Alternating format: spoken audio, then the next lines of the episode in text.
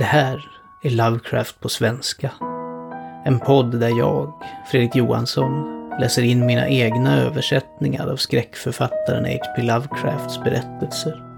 Vi börjar från början i den ordning de skrevs och fokus ligger på de berättelser med kopplingar till Cthulhu-mytologin. Men det kan smita med andra saker också. En stående varning om de här berättelserna är att de stundtals innehåller rasistiskt och förlegat språkbruk. Mer om mina tankar kring detta finns att läsa på poddens hemsida. Dagens avsnitt är Ättlingen från 1926. Detta är inte en komplett berättelse, utan ett fragment som gavs ut efter Lovecrafts död. Jag tar med den här eftersom den ger lite mer insikt i två tidigare berättelser. Den namnlösa staden och råttorna i väggarna. Det kan vara värt att påpeka att Lovecraft själv inte såg sig bunden av någon kanon eller övergripande världsbygge i sina verk. Utan han hade ett galleri med platser, namn, varelser och teman som han fritt blandade. Därför kan det uppstå motsägelser eller saknas logik i olika berättelsers kopplingar.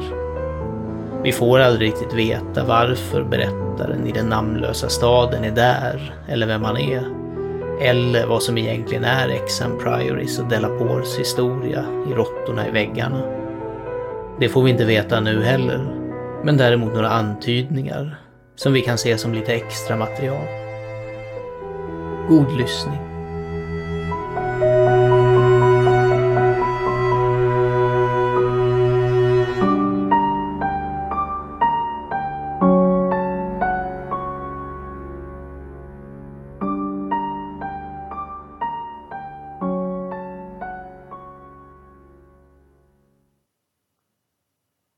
Ättlingen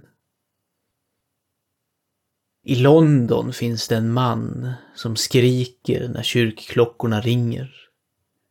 Han bor helt ensam med sin strimmiga katt på Grays Inn och folk kallar honom harmlöst galen.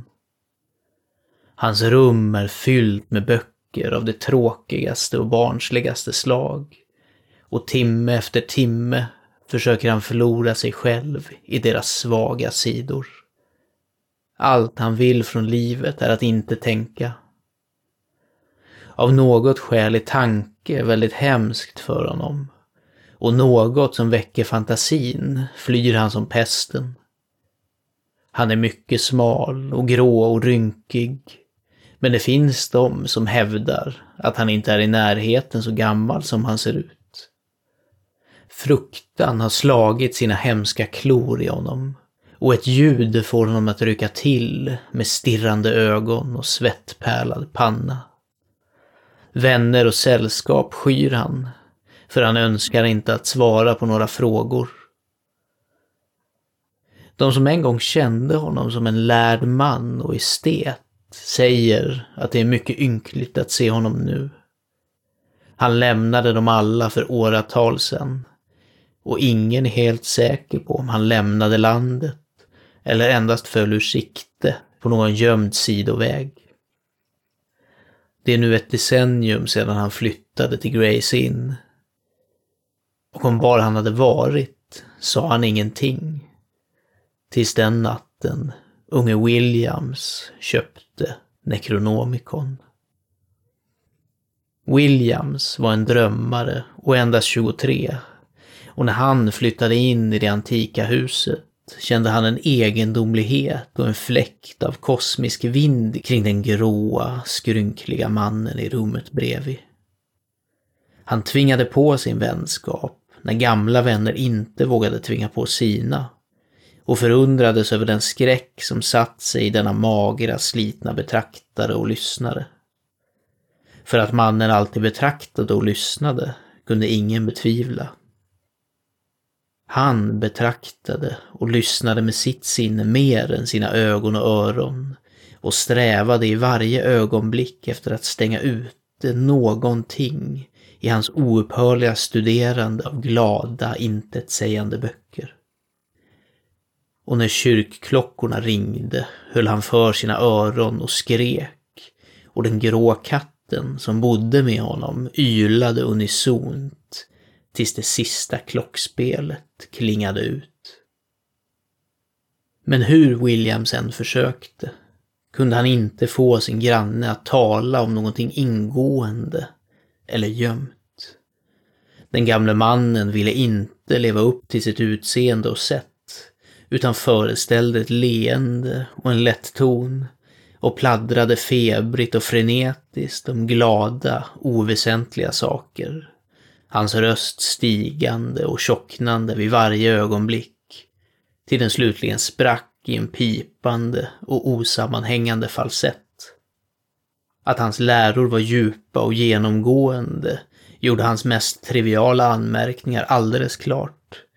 Och Williams var inte överraskad över att höra att han hade varit både vid Harrow och Oxford. Senare utvecklades det att han inte var någon annan än Lord Northam, om vars urgamla nedärvda slott vid Yorkshire-kusten det sägs så många underliga saker. Men när Williams försökte att tala om slottet och dess beryktade romerska ursprung vägrade han medge att det var någonting märkligt med det.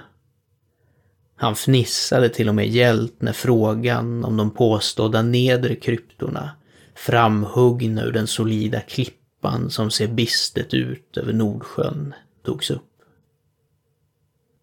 Så hade saker förlöpt, tills den natt då William stod hem, den ökända nekronomikon, av den galne araben Abdul al-Hasred. Han hade känt till den fruktade volymen sedan sitt sextonde år, när hans begynnande kärlek till det bisarra hade lett honom till att ställa udda frågor till en böjd gammal bokförsäljare på Candace Street. Och han hade alltid undrat varför män bleknade när de talade om den. Den gamle bokförsäljaren hade berättat för honom att endast fem exemplar kändes till som hade överlevt prästernas och lagstadgarnas chockerande påbud mot den. Och att alla dessa var inlåsta med en skrämd omsorg av de förvaltare som hade vågat påbörja läsningen av den hatiska gotiska skriften. Men nu, till slut, hade han inte bara funnit ett tillgängligt exemplar, utan hade också gjort den till sin egen med en löjligt låg siffra. Det var i en judes butik i de smutsiga kvarteren vid Clare Market, där han ofta hade köpt undliga saker förut. Och han inbillade sig nästan att den knotiga gamla leviten log i sitt trassliga skägg när den stora upptäckten gjordes. Den klumpiga läderpärmen med mässinglåset hade varit så framträdande synligt. Och priset var så absurt lågt. Den enda glimt han hade fått av titeln var tillräcklig för att sända honom långt bort. Och vissa av diagrammen i den vaga latinska texten väckte de spändaste och mest oroande minnesbilderna i hans hjärna. Han kände att det var högst nödvändigt att få hem den tunga saken och börja dechiffrera och bar den ut ur butiken med en sådan plötslig hast att den gamla juden skrockade oroande bakom honom. Men när den till slut var säker i hans rum fann han att kombinationen av gotisk skrift och urartade idiom var över hans förmåga som lingvist och besökte motvilligt sin märkliga uppskrämda vän för att få hjälp med det förvridna medeltida latinet. Lord Northam pladdrade dumheter till sin strimmiga katt och ryckte till våldsamt när den unge mannen kom in. Då såg han volymen och skakade vilt och svimmade helt när Williams nämnde titeln. Det var när han återfick sina sinnen som han berättade sin historia. Berättade om sitt fantastiska påhitt av galenskap i frenetiskt viskande. För att hans vän inte skulle dröja med att snabbt bränna den förbannade boken och sprida dess aska vitt omkring. Det måste, viskade Lord Northam, ha varit något fel från början. Men det skulle aldrig ha kommit till sin spets om han inte hade utforskat för långt. Han var den nittonde baronen i ett led vars början gick obekvämt långt tillbaka i det förflutna. Otroligt långt, om vaga traditioner kan beaktas.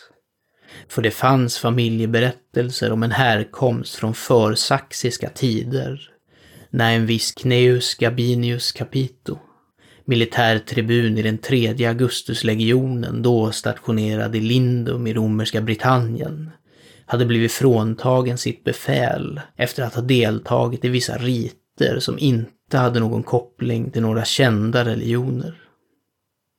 Gabinius hade, sa ryktena, stött på en grotta en klippsida där märkligt folk möttes tillsammans och gjorde det äldre tecknet i mörkret.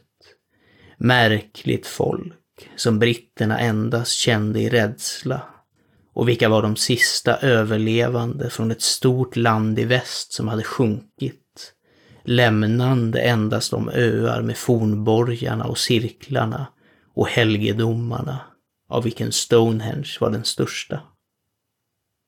Det fanns ingen säkerhet såklart i legenden att Gabinius hade byggt en ointaglig fästning över den förbjudna grottan och grundat en ätt som pikter och saxare, danskar och nomander var maktlösa att utplåna.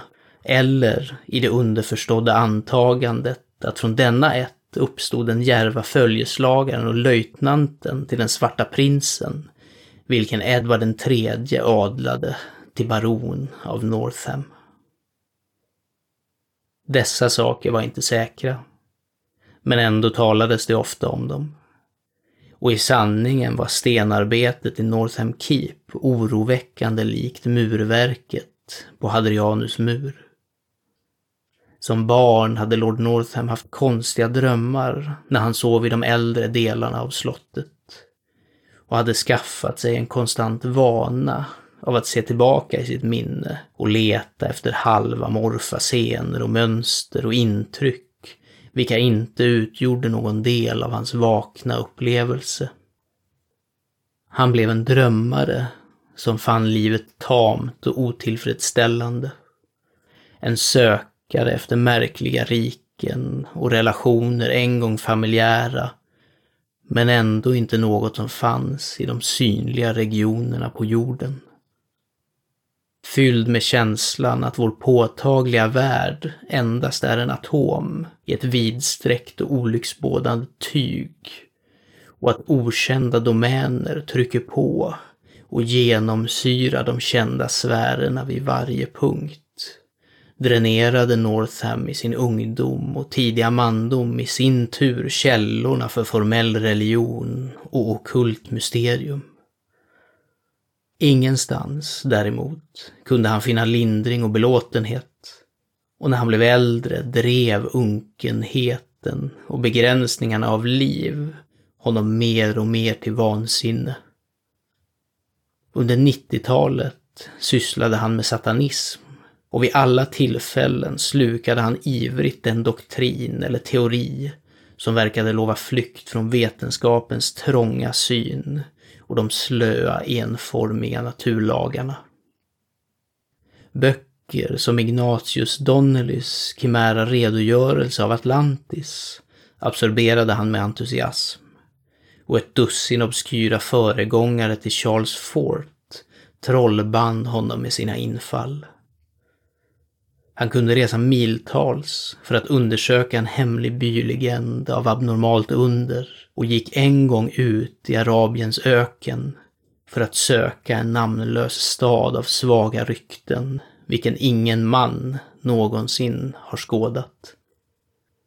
Där växte i honom den lockande tron att någonstans existerade en lättillgänglig port, vilken om den hittades skulle ge honom fritt inträde till de där yttre djupen, vars ekon skallrade så svagt bak i hans minne. Den kunde vara i den synliga världen, men också endast i hans sinne och själ. Kanske hade han i sin egen halvutforskade hjärna den kryptiska länken, vilken kunde väcka upp honom till äldre och framtida liv i bortglömda dimensioner. Vilket kunde binda honom till stjärnorna och till oändligheter och evigheter bortom dem.